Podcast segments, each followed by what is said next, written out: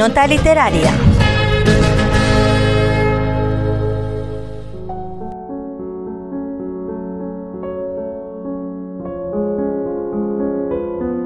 El nombre de Shakespeare da para mucho, por ello quise hacer dos reseñas, para poder homenajear al genio inglés lo mejor posible. La semana pasada hablamos sobre curiosidades y detalles de su vida.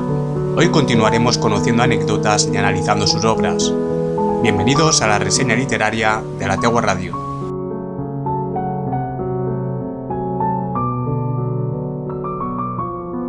Expresiones que todos hemos utilizado alguna vez como el amor es ciego o por el amor de Dios o todo lo que brilla no es oro o incluso de pies a cabeza son expresiones acuñadas a Shakespeare y se dice que él mismo incluyó más de 3.000 palabras al vocabulario inglés. Todo ello bajo la sospecha de que su incursión en la escuela no fue duradera debido a los problemas económicos que atravesaba su familia. Además, un dramaturgo de su época afirmó que su compañero no sabía apenas latín y griego.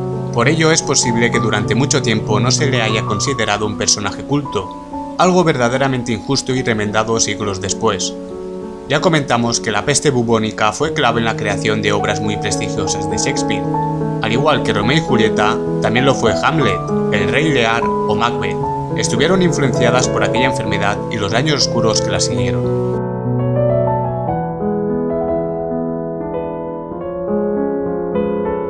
Shakespeare empezó en el mundo del teatro como actor, y por lo que se sabe, era una persona bastante humilde y cercana, cuando sus escritos tomaron fama, fueron representados en los teatros de El Globo y Blackfriars, a cargo de la compañía Kingsman, propietaria de ambos teatros.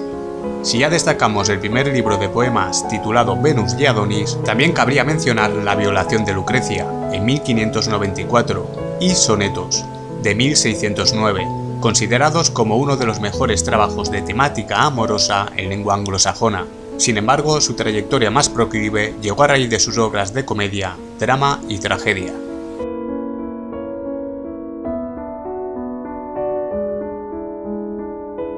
El sueño de una noche de verano es la comedia más fantasiosa escrita por Shakespeare, basada según algunos expertos en obras de otros escritores y filósofos, como Plutarco, Apuleyo o Reginald Scott.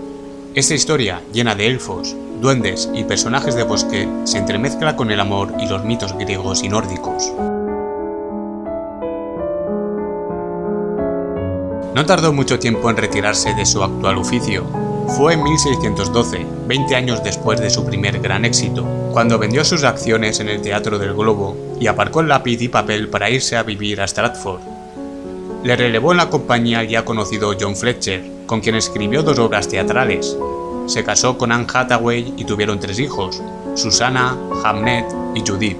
Y sobre su muerte, como no era de extrañar, también se han ofrecido distintas elucubraciones, como una fiebre causada por culpa de una borrachera, o una hemorragia cerebral debido a los excesos que conllevaba el escribir y actuar a una elevada edad, o un tumor ocular que le provocó cáncer, e incluso la hipótesis de asesinato, pues afirma que la relación que tenía con su yerno Thomas Kinney no era la más afable y que éste pudo poner fin a la vida del escritor.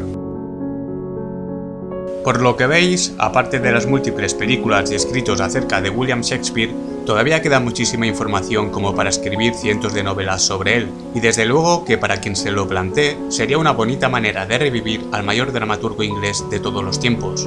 ¿Ser o no ser? Esa es la cuestión amigos. Hasta la semana que viene.